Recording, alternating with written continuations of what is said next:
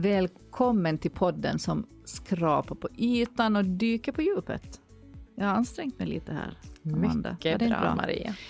Eh, när det gäller tjejliv och kvinnofrågor. Idag så har vi en ganska ambitiös rubrik. Man kan också kalla den väldigt luddig eller spretig, men vi ska prata om vad som på riktigt är viktigt i livet, till skillnad från allting annat. Då. Jag vet inte vad vi tänkte där. På riktigt viktigt i livet och om den här listan förändras under livets gång. Mm. Det tror vi ju alltså. Den här podden är, det är ett fint projekt av Svenska kvinnoförbundet, Svenska kvinnoförbundet Sörnes och Svenska bildningsförbundet. Och den går helt enkelt ut på att Amanda och Maria snackar över en kaffe eller ett glas vatten och en mikrofon kring olika ämnen. Och sen så får vi dessutom en liten politiker-input kring temat mitt i, mitt i podden. Idag ska vi alltså prata om vad som på riktigt är viktigt i livet och jag tror att vi är jag tror att du och jag är sådär löjligt tråkigt rörande överens om att en bra skola, en högklassig sjukvård för alla, ett bra socialskydd och trygghet på så många plan som möjligt. Det är någonting som vi tycker på riktigt är det absolut viktigaste. Men sen, vad kommer sen på listan? Eh, Eh, vem börjar?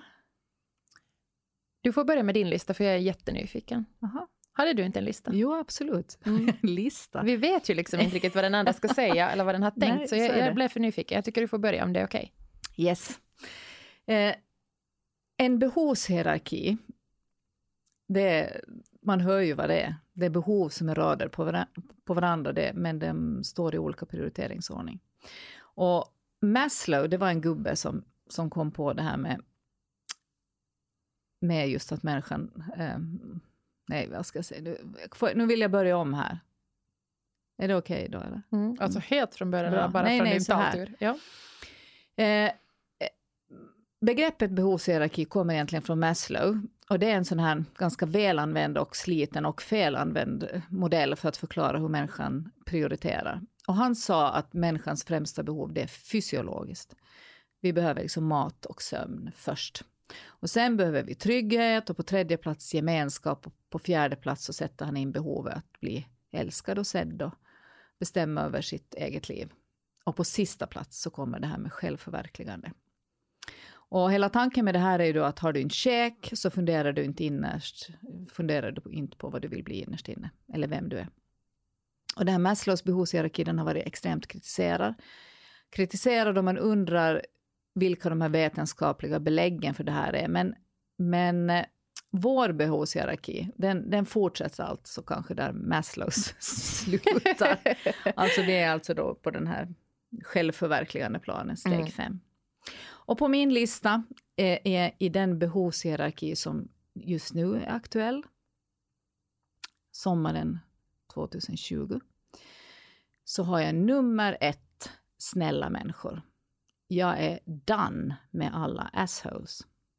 Och jag har haft för många runt mig. Och jag har en sån här stark vision och dröm och ett mål att de här mina sista 20 år, då, det låter ju liksom hemskt, men om det går väl så är det 20, så ska jag ha en nolltolerans, både privat och professionellt, för människor som inte vill mig väl. Jag har efter 50 år nu kunna välja bort människor som kränker och gör illa. Och jag fullständigt vältrar mig i schyssta människors sällskap istället. Det var nummer ett. Så bra. Mm. Heja dig. Mm. Det tycker jag låter klokt. Två. Balans mellan arbetsliv och familjeliv. Så att jag kan ge och få till alla som är mig nära. När jag är helt slut efter en arbetsdag så tänker jag att jag jobbar fel. Min familj ska inte behöva leva med en sliten och fullständigt utmattad människa varje dag. De behöver min goda mat, de behöver min roliga närvaro. De behöver alltså en kul morsa. Och min man behöver en kul fru. Och det kan inte vara så att kollegor och klienter får ta del av mina bästa sidor och sen får kidsen och min man bara liksom smulorna av det. Så får det inte vara. Nej, alltså nu sitter jag här och nickar som en mm. dåre. För det här mm. har, och det här har jag varit stolt över länge. Att det där har varit något som jag upplever att jag har liksom haft rätt bra. Mm. Men nu de här senaste veckorna Amanda, nu pratar jag om de senaste veckorna. Så är det inte i så min bra. behås- Nej, nu har det varit lite slarvigt. Mm. Jag är också sjukt bra på det här. Alltså framförallt med att vara fru, inte lika bra på att vara morsa, men nu har det slarvats. Ja. Men vi är ihop ännu, det är ganska bra. Det är bra. Nummer tre, Mm. Sommaren 2020. Rädda världen, göra nytta. Stå, jag står absolut inte ut med saker som inte förändrar strukturer, människor eller mig själv. Jag står inte ut med att människor far illa och inte får hjälp. Jag blir helt knas av det faktiskt. Så det här är nu min akuta behovshierarki för tillfället. Vad har du? Mm. Alltså jag Man blev... får inte sen sno samma. Nej, jag ska inte Nej. sno samma. Nej. Fräckt av mig att säga att du fick börja. För vi tänker ju aldrig på samma sätt, du och jag. Um, Okej, så här. Nummer ett på min lista är att jag vill leva ett liv som är roligt. Jag vill ha kul. Får man säga det när man är vuxen? Gud så syndigt. Nej, det får man inte. Ja, men Ja. det är där. Ja, okej, Sommaren 2020. Ja. Jag vill ha kul. um, sen kommer att jag vill göra nytta för andra. Så det är ju lite likt din. Mm. Men jag vill göra... Jag vill, dels vill jag vara en sån människa som är liksom bra för mig själv och för andra typer. Lite slarv har det varit på den, men, men vi jobbar på den. Och sen vill jag aldrig sluta lära mig. För jag tror att när jag lär mig så då blir också världen bättre. Jag tror att vi hela tiden måste bryta våra... Alltså byta glasögon. Och jag tänker att det är också vad det här året handlar om i allra högsta grad. Coronan, uh, Black Lives Matter. Det Mm. händer jättemycket nu som är sjukt smärtsamt men jätteviktigt. Och det handlar väl just om det här också, att vi ska liksom våga säga att vänta, nu fattar inte jag hur privilegierad jag till exempel Mm. är. Att jag sitter så bekvämt i mitt liv medan folk inte har samma rättigheter och samma möjligheter. Det är ju en sak att veta det på papper, Mm. men att verkligen förstå orättvisor och sen känna att okej, vad kan jag göra för att vara med och göra den här världen lite bättre? Där tänker jag att det är att lära sig nytt och vara liksom Mm. öppen för att förstå att man har begränsningar i vad man förstår. Fattar du något av vad jag menar nu i den här Men sista? 100 procent, jag håller helt med. Jag tror också att det är ett så här paradigmskifte som också är pågående. Det händer liksom grejer, det rör på sig och har gjort kanske under två, tre år. Mm. Att, att, att grupper som, eh, som tidigare har varit tysta eller tystade plötsligt talar. Och att de som tidigare har talat måste tystna. Så det är en förändring. Det är en förändring. Och, och det handlar ju på något sätt också om väldigt grundläggande behov. Som, alltså Absolut. livsviktiga behov. Ja, ja, ja. ja. Då blir ju våra inte får lö- liksom- listor löjliga. Ja, men det blir de ju. Så är det. Mm. På ett sätt blir de ju lite Mm. löjliga. Men, eh, men ja, så, så för mig... eh, Men hur ska vi nu göra? Vem spanar först? Eller liksom fortsätta spana nu? Vill du köra ännu efter din lista? Ja, ja, alltså jag, om jag får lite återkoppla till det här med att ha kul. Ja, kör! så, så tänker jag liksom att det, det, det, det att, att bli en kärring liksom har ju ingenting med kön att göra. Nej. Det, man, alltså man kan vara jätteung kille och vara en kärring. Det är Mm. liksom en livsattityd. Och det är liksom eh, snålt och, och eh, surt och trist och präktigt och eh, ja, sådär. Och det, det vill jag ju då inte bli. Fast åldern kom, kommer emot, livet kommer emot. Och, och den här crazy-faktorn faktiskt varje dag. Mm. Ja, det är ju här är helt sjukt, men när jag, när jag ska transportera mig alltså sådär mentalt från mitt jobb, som är ganska krävande, hem, så, så unnar jag mig alltid alltså en kvart i min egen soffa då, där på mitt jobb. Och, och då ser jag på stand-up. Vad kul! Ja. Och jag ser framförallt på kvinnliga stand- stand-upare. Mm. Och så skrattar jag sjukt mycket för mig, för mig själv. Och det blir liksom ett sätt att lämna liksom helt tydligt de här bördorna. Mm. De blir liksom där, det svåra blir där och så skrattar jag mig och sen så Tar jag på dig din andra hatt och ja, går iväg? går jag, ja, exakt, så går jag hem och så är jag ganska glad, glad och lite kul, lite inspirerad, för de är ju ganska kaxiga. Mm. Mm. Det låter helt jättebra. Och alltså det där, ja, men det, jag tänker också så här att just det här med att ha mera lek i livet, Mm. att ha ett liv som är roligt, det är ju inte något som bara barn behöver. Det finns jättemycket forskning som visar hur viktigt leken är för barnens Mm. utveckling, men det finns faktiskt också, och det är det jag skulle vilja lyfta fram idag, är att det finns också väldigt mycket forskning som visar hur viktigt det är med lek också för vuxna. Um, och jag har ju nördat ner mig ganska mycket på, på vad neurovetenskapen kan lära oss, speciellt de senaste två åren och speciellt det senaste halvåret när jag håller på att ta mitt coachcertifikat nu efter många, många, många år som coach. Och det tar jag i brain-based coaching, som då lutar sig väldigt mycket på hur hjärnan fungerar. Um, och hjärnan är min nya stora busiga passion, för det är så spännande att lära sig att förstå hur den funkar. Och det är så mycket som faller på plats när jag fattar vi, hur vi är byggda och vad liksom reglerna är. Nåja, men nog om det. Men det finns en neuroforskare som heter Jak Panksepp som har forskat om lek. Um, och han föreslår, han ser på leken som en lika viktig del som, som det där, eller alltså den har samma värde som de andra grundläggande känslorna hos en människa. Så han, han sätter den här leken på samma lista som, som ilska, rädsla, sexlust och moders och faders känslor. Det är lika viktigt och lika instinktivt hos människan. Uh, och lek hjälper att utveckla sociala talanger och stöder inlärningen. Och, och det här gäller också vuxna. Så, så vad betyder då det här? Alltså vad, vad, är en lek för vuxna människor? Leker du i ditt liv? Jag leker jättemycket faktiskt, mm. insåg jag nu när du pratar. Jag leker nog ganska mycket. Och det handlar liksom om en sån här lekfull attityd liksom att dra jokes, liksom, det är liksom till lust och leda för min familj. Men det handlar också om att dansa i köket. Det handlar mm. liksom om allt det här, om busy, att vara en busy människa. Mm. Och jag tycker själv att det är det mest attraktiva hos en människa när den är busy. Framförallt om den är, kombineras med någon form av ansvar och inte bara bus. Mm. Men, men, eh, men eh, sexualiteten som en läkarena. Mm. Jag tänker det är egentligen den här det, det, det, är också den enda platsen som i, i det vuxna livet som de där barnen liksom inte är med. Och, och, och det, därför är det otroligt viktigt att man sköter om det. Mm. Men också den där lekfullheten, att, att när man har det jobbigt så kan man inte leka heller där. Då älskar man ju inte, utan då är det ju bara biologiskt, mm. helt enkelt. Samlag, mm. världens fulaste ord tycker jag, förutom petting. som är ännu värre. Ännu ja, men du är helt i mm. linje också med vad forskarna säger. Ja. Därför för att just för vuxna speciellt så pratas det om att det viktiga där är att det ska vara något som vi också gör tillsammans med någon annan. Mm. Så sexualitet är ju ett jättebra exempel på det. Men mm. också tänker jag när man tänker på arbetsplatsen.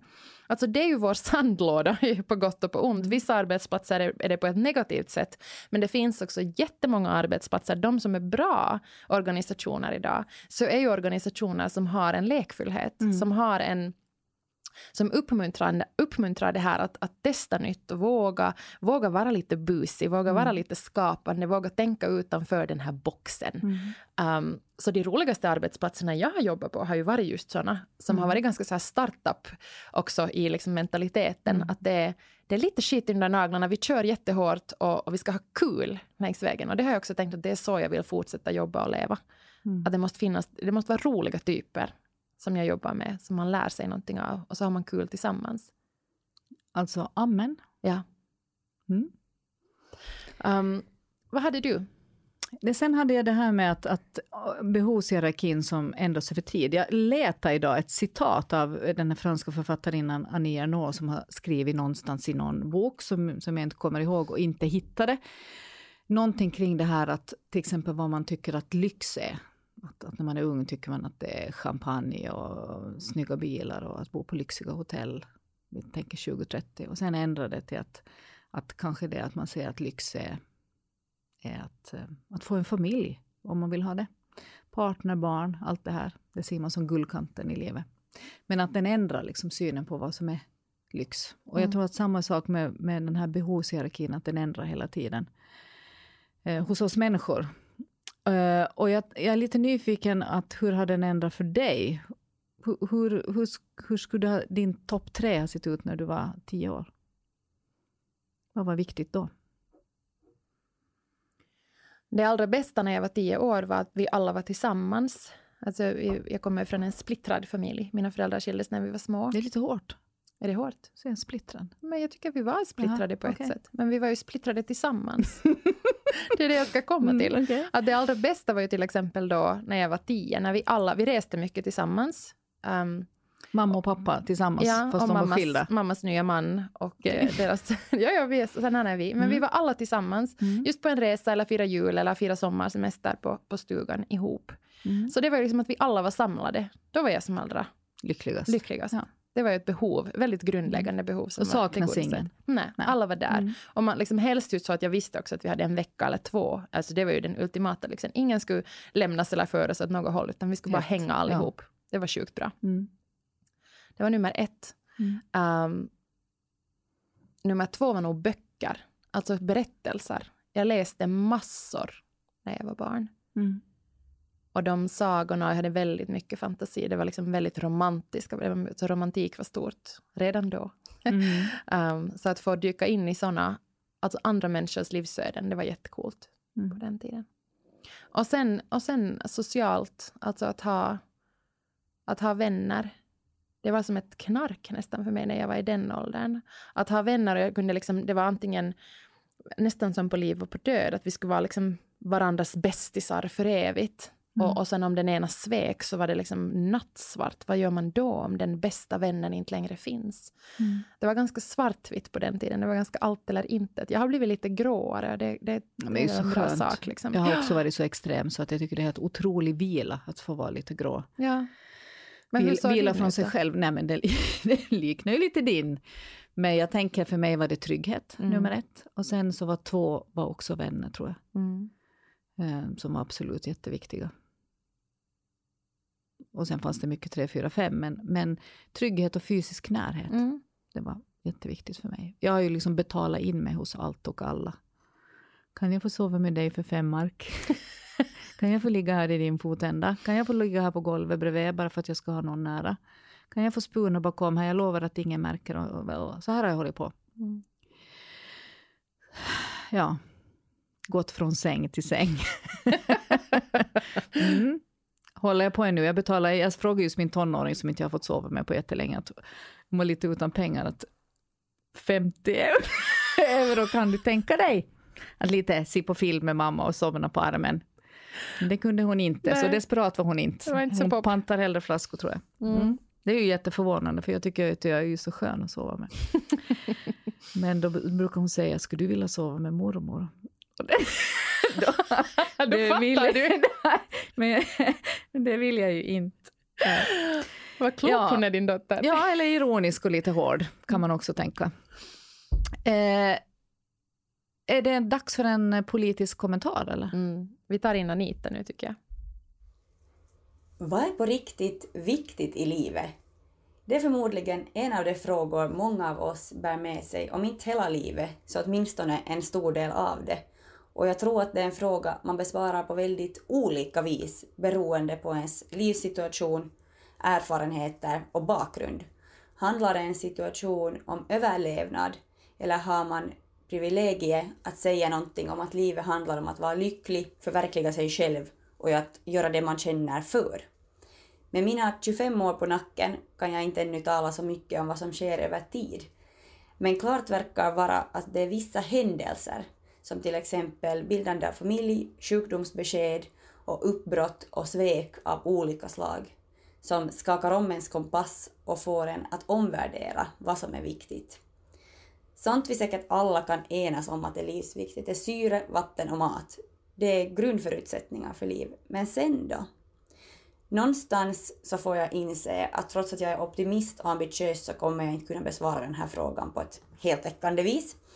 Men jag tror att individen har goda förutsättningar att finna sitt svar på frågan i ett samhälle som är jämställt, hållbart och välmående och där individen känner sig värdefull, delaktig och trygg. Och det är ett sådant samhälle jag vill se. Jag vill se ett samhälle där alla individer har samma rättigheter, skyldigheter och möjligheter i livet. Om jag ändå ska försöka vara lite mer konkret så tror jag att hälsa är någonting som är väldigt viktigt i livet. Och jag funderar om det är så att hälsa hör till de saker vi ibland inte reflekterar så mycket över före det brister i den. Innan jag själv diagnostiserades med IBD förstod jag inte att vara tacksam över min kropp, utan jag kunde tvärtom tänka det ena och det andra och att den kunde vara bättre på, på olika sätt. Men nu vet jag lite bättre och jag vet hur det är att leva med en kronisk tarmsjukdom. Jag vet att det tidvis är riktigt jobbigt och att jag i vissa stunder behöver ge avkall på någonting. Men samtidigt så är jag hoppfull om att livet med sjukdomen inte behöver betyda att jag behöver ge upp några mål och drömmar. Och det tack vare god vård, medicinering och lite extra förståelse av medmänniskor. Sen kan jag tycka att vi på ett samhälleligt plan måste vara bättre. Vi kan inte och vi ska inte vänta tills det brister i folks hälsa, utan vi måste arbeta förebyggande. Samhället ska ge goda, jämlika förutsättningar för individen att skapa ett gott liv och en god hälsa. Och här finns det att jobba med. Både eh, med det förebyggande, men också att alla som är i behov av god vård, medicinering och lite extra förståelse av sina medmänniskor ska få det. I dagsläget så är psykisk ohälsa en utmaning för folkhälsan.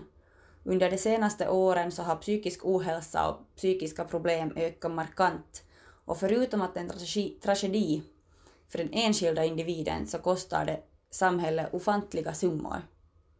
Och vi måste diskutera orsaken därtill och åtgärder som måste vidtas. Vi vet till exempel att det är många flickor i skolan som mår rätt illa.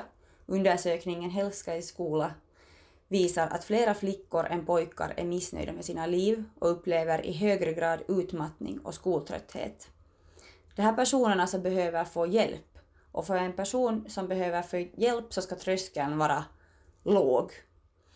Uh, dessvärre så visar en, en enkätundersökning som THL och Utbildningsstyrelsen låtit göra att uh, skillnaderna i antalet elever och verksamhetsenheter bland skolkuratorerna och psykologerna är stort och att elevantalet kan variera från färre än 700 upp till 2000.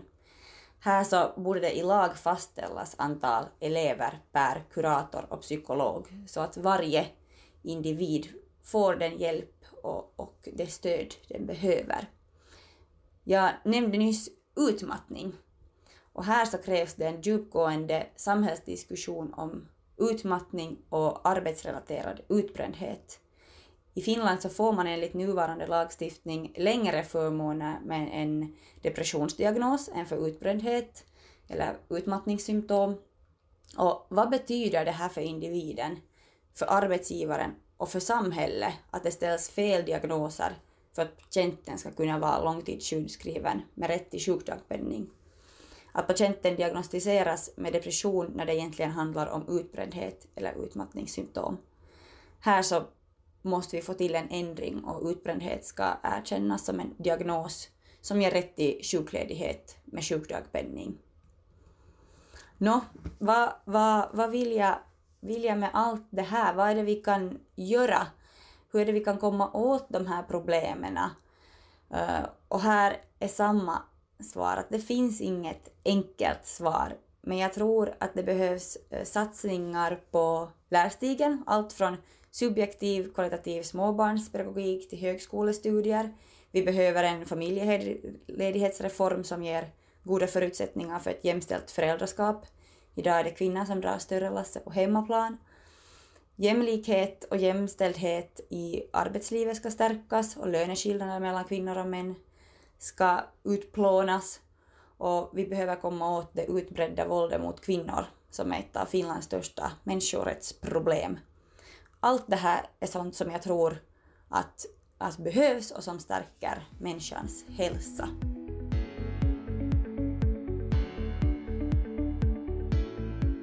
Det var alltså Anita Westerholm och hon är vice ordförande och kandidat till ordförande för Svenska kvinnoförbundet.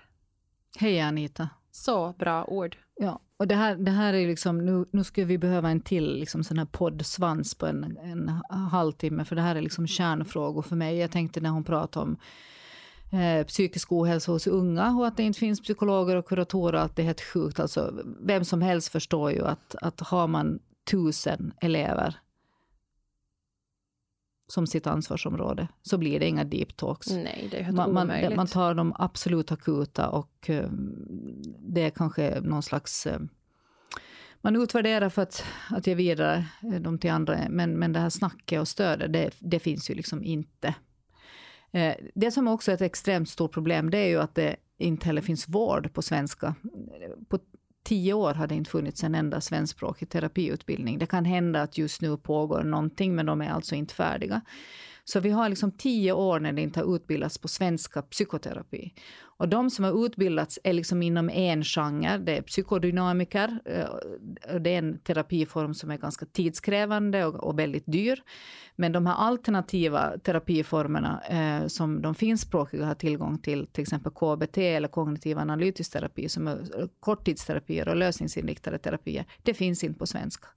Och det här innebär ju att har man psykisk ohälsa och är svenskspråkig så får man helt enkelt ingen vård. Och, och det här, jag har inte hittat adressen för vem som ska ta hand om det här. Jag har ju ringt jättemycket runt. Men, men det här, Anita, jag bollar tillbaka det här till dig. Här har du ett, här har du ett uppdrag och jag, jag, jag är med och kämpar för det här. Jag tänkte också det här som hon sa, att, att när hon blev sjuk och hon förstod. Mm. Och, och, så här är det ju. Men jag tänker också hur den här behovshierarkin kanske därför just svänger. Att, att när vi är små bebisar så är det liksom mat och sömn och omsorg som är jätteviktigt. Och så gör vi, freestylar vi på med en massa annat under livets gång. Men sen så, eh, så blir behovshierarkin ganska likadan när vi blir äldre. Alltså trygghet, omsorg, vård, mat. Mm. Vad tänker du om det? Och delaktighet, sa hon. Hon sa värdefull och delaktig. Mm. Ja. Jag tänker att, att den fysiska och psykiska hälsan är ju det viktigaste som finns. För utan den så är det ju bara som att fumla i ett mörker. Mm. Jag tänker att det är en, den finaste och mest värdefulla gåva man kan få är att få bli gammal. Mm. Uh, och att vilja bli gammal. Jag tänker att lever man med depression och, och under en vattenyta och, och, har sån ångest att man inte vet vart man ska vända sig och känner att man är helt lämnad, mm. alltså, som du pratade om också, att det inte finns hjälp att få på, det, på, det, på sitt eget modersmål. Att man, dessutom är det svårt att få hjälp när man mår som sämst, att man själv ska börja ge sig in i en djungel av byråkrati. Det är nästan och, liksom, omöjligt. Det är nästan ja. omöjligt. Att där finns väldigt mycket att göra. Um, och, och jag, tror, jag tror ju också att den där behovshierarkin um, ja, jag tror att den kommer uppdateras väldigt många gånger under livet, men den kan också um, ganska snabbt förändras just när vi, när vi möter sjukdom eller död. Um, som kommer liksom förvånar oss på något mm, sätt. Det finns det. ju sjukdom och död som vi på något sätt kan lite vara förberedda på, men det finns också väldigt många många sådana situationer som, som kommer som en yxa från en, från en himmel rakt ner, bara liksom skär i, i tu allt som är mm. sant. Um, och det lär ju oss den hårda vägen att uppskatta det som, som vi har tagit för givet. Det är också det som jag på något sätt kan sakna mest från min barndoms behovshierarki, den där mindfulness-förmågan man hade som barn. Alltså att man var ju så otroligt aktivt i den stund som var sann för en just då. Mm. Uh, och glädjen var enorm när den, när den var sann och sorgen var enorm när den var sann. Men det var liksom så, det var så levande. Det var så lite, jag känner att ju mer vuxen man blev, desto mer kommer det här långa tidsperspektivet med i bilden. Och det skulle jag liksom också vilja bli duktigare på att släppa på något sätt. För det, det har jag lärt mig nu, det finns så väldigt lite vi kan kontrollera. Eller förutse eller förutspå. Att, att vad kan vi göra för att stanna mera i, i nuet. Samtidigt har jag den där hang-upen, liksom, att jag får inte slarva bort mera tid. Nej, jag vet. Så att det här är liksom svårt, att vara liksom då jättemindfulness och i nuet, men samtidigt liksom inte slarva mera. Alltså bara, på riktigt bara vara med snälla människor eller mm. jobba på schyssta arbetsplatser. Men jag tänker att det går väl hand i hand.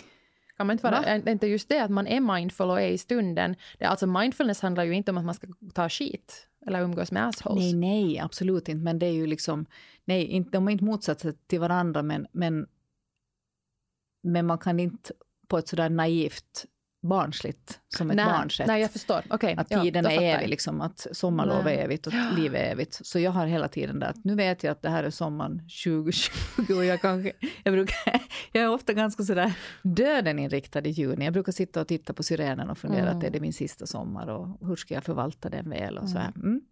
Så det, det, är någonting med den här ljusa årstiden som men får mig så här. Men det är det ju för jättemånga. Men du säger det med lite så här på skämt, men tycker du att det är bara en dålig sak? Nej. Att vara medveten om att tiden Nej, inte är hur lång men som helst. den dominerar kanske lite mycket. Ja, ja, mm. om den tar över. Mm. Men, men däremot tänkte jag att jag, jag skulle vilja hinna, eller hade du något urgent här? Nej, Nej. kör du. Prioriterings hierarkin. Jag tänkte här med att man inte kan få allt samtidigt. Mm. Och att det är där ofta som är problemet. Och framförallt om man vill jättemycket grejer så har man ju också väldigt många behov. Och de här mm. behoven är icke-kompatibla. Man kan inte liksom fara till en öde i sex månader och samtidigt vara en ansvarsfull förälder. Det är ju faktum, eller? Mm, så är det. Är eh, och, och jag har, för mig har det varit mycket behovskrockar och mycket prioriteringskrockar. Och jag vill så fruktansvärt mycket och jag vill faktiskt ha allt. Och, och, och det är lite coolt det här för att på något vis så när jag har blivit äldre så har jag inte liksom samma oktan i tanken mera. Och, och det är på något sätt som min kropp skulle liksom tacka mig att det äntligen äntligen så går det lite långsammare. Att den mm. hänger med, för att mitt huvud har varit så ivrigt och, och snabbt. Och det har också kroppen varit. Jag tänker att kroppen också... orkar ju också till, liksom, till en viss gräns. Ja, plötsligt men plötsligt är jag liksom trött. Jag, alltså, jag har ju kört ett, ett nytt arbetsvarv efter nio för tio år sedan. Det gör jag absolut inte. Utan nu är det en stor kopp te eller ett glas vitt vin och så däckar jag framför någon film. Liksom. Mm. Och det är så skönt att jag har kommit det, att jag inte ens orkar, för då kan jag inte. Jag älskar det här. Det är jättebra. Ja. Och sen också när jag har haft såna jättemycket sådana här supermycket behov som har liksom trängts i samma trånga rör, så har det ibland varit bra, som jag skulle slå på något sån här en knapp när jag går liksom och lagar en stor kopp kaffe och så tar jag en hög med tidningar och så sätter jag mig ner och så sitter jag och bläddrar i dem. Fast jag har helt sjukt mycket att göra. Och ett tag så tänkte jag att har jag något fel? Har jag något jättefel? Att det, liksom, det är någon fel koppling. Alltså Maria, du borde ju sätta in den extra växeln. Och så växlar jag liksom ner. Och nu har jag också börjat fatta att det är också någon slags system, ett mm. räddningssystem i min egen kropp. Att den liksom tar över.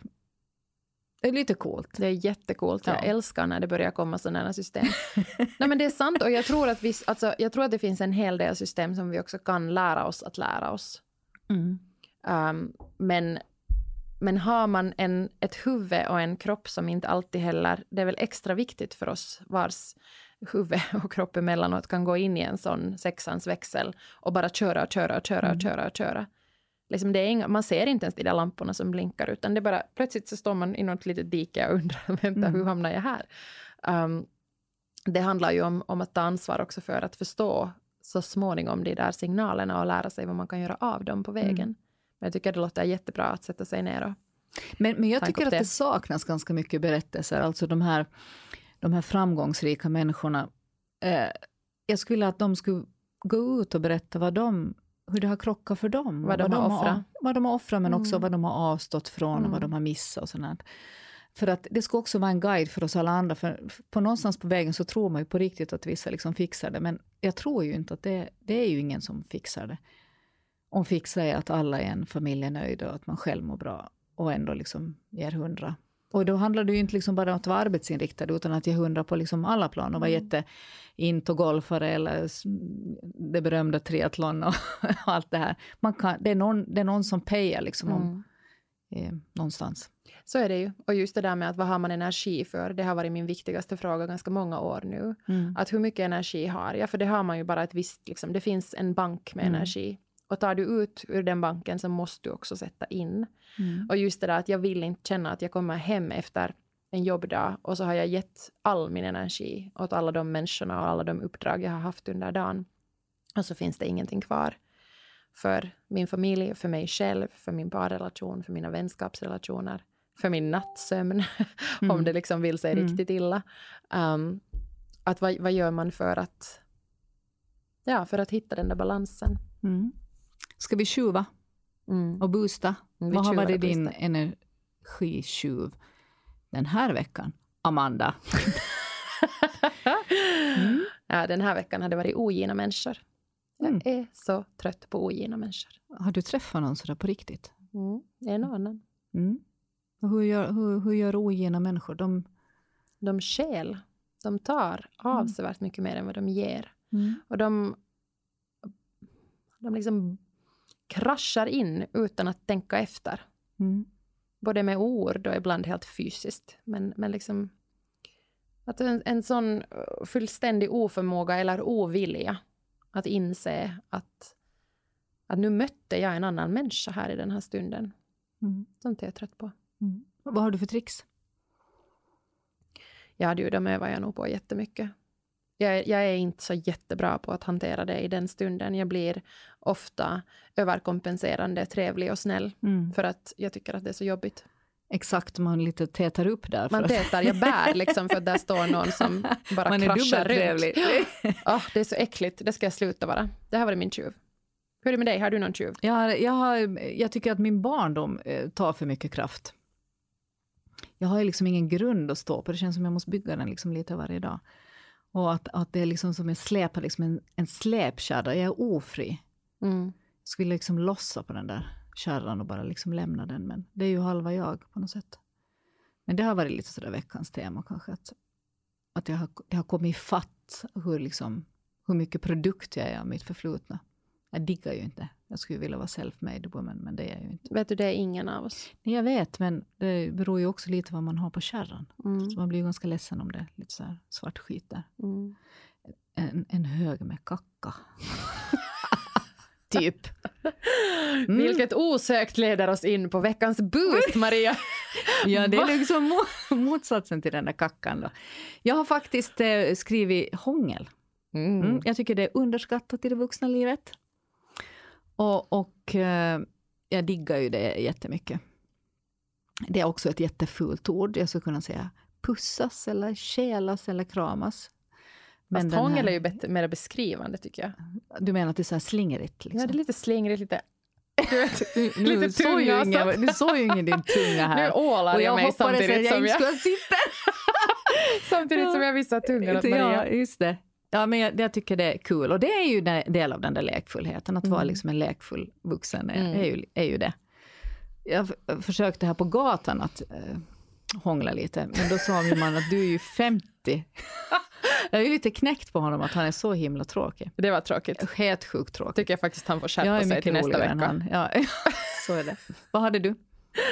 Det, jag har också lekt den här veckan. Okej. Eh, Jag har stått på huvudet efter en jättelång paus. För att jag har fött barn, varit gravid och fött barn och det var liksom ingen bra grej. Men nu står jag på huvudet igen och det var, det var så kul. Du ser Ja. skräckslagen ut. Nej, men men alltså, jag tyckte det tänker, var så roligt. har du huvudet mot marken? Liksom. Jo, jo, jag har huvudet och armarna som ett liksom, stöd. Och så Okej. ställer jag mig mot en vägg och så Ja. står jag där och bara... Kommer du upp själv liksom, Mm. dit? Mm. Nu ser du på mig mig. som att Nej, det är men det är ju präktigt igen. jättekul. Jag tycker det är jättekul. Jag brukar stå på huvudet på det sättet att jag går mot liksom en vägg eller ett träd. Mm. Men med raka armar. Ja, ja, så här. Ja, Ja, ja. att jag klättrar upp liksom. Så Nej, ser du, raka armar fixar jag inte nu, det är jag rädd för. Så Ja. jag har dem liksom bara ner mot golvet Okej. som ett V. Mm. Gud, så ointressant för alla er som lyssnar att inse hur vi Nej, men det är, ju, det är ju, du benchmarkar ju mot det. Det är ju någon slags still young and kicking om man kommer upp, eller? Ja, alltså, och sen just så här, efter en graviditet och en förlossning, att har man någon kontroll i liksom sin, sina djup och magmuskler, fixar man det att dra upp sina ben på något sätt mot någonting? Det fixar jag nu, det kände jag mig glad över. Grattis. Tack. Den här podden är gjord av Svenska kvinnoförbundet, Svenska kvinnoförbundet Sörnäs och Svenska bildningsförbundet. Heja er! Men eh, det finns också en tekniker och han heter Tobias Jansson och han sitter här bakom väggen. Tack Tobias! Och vi som babblar högt och lågt, vi heter Amanda och Maria. Tack!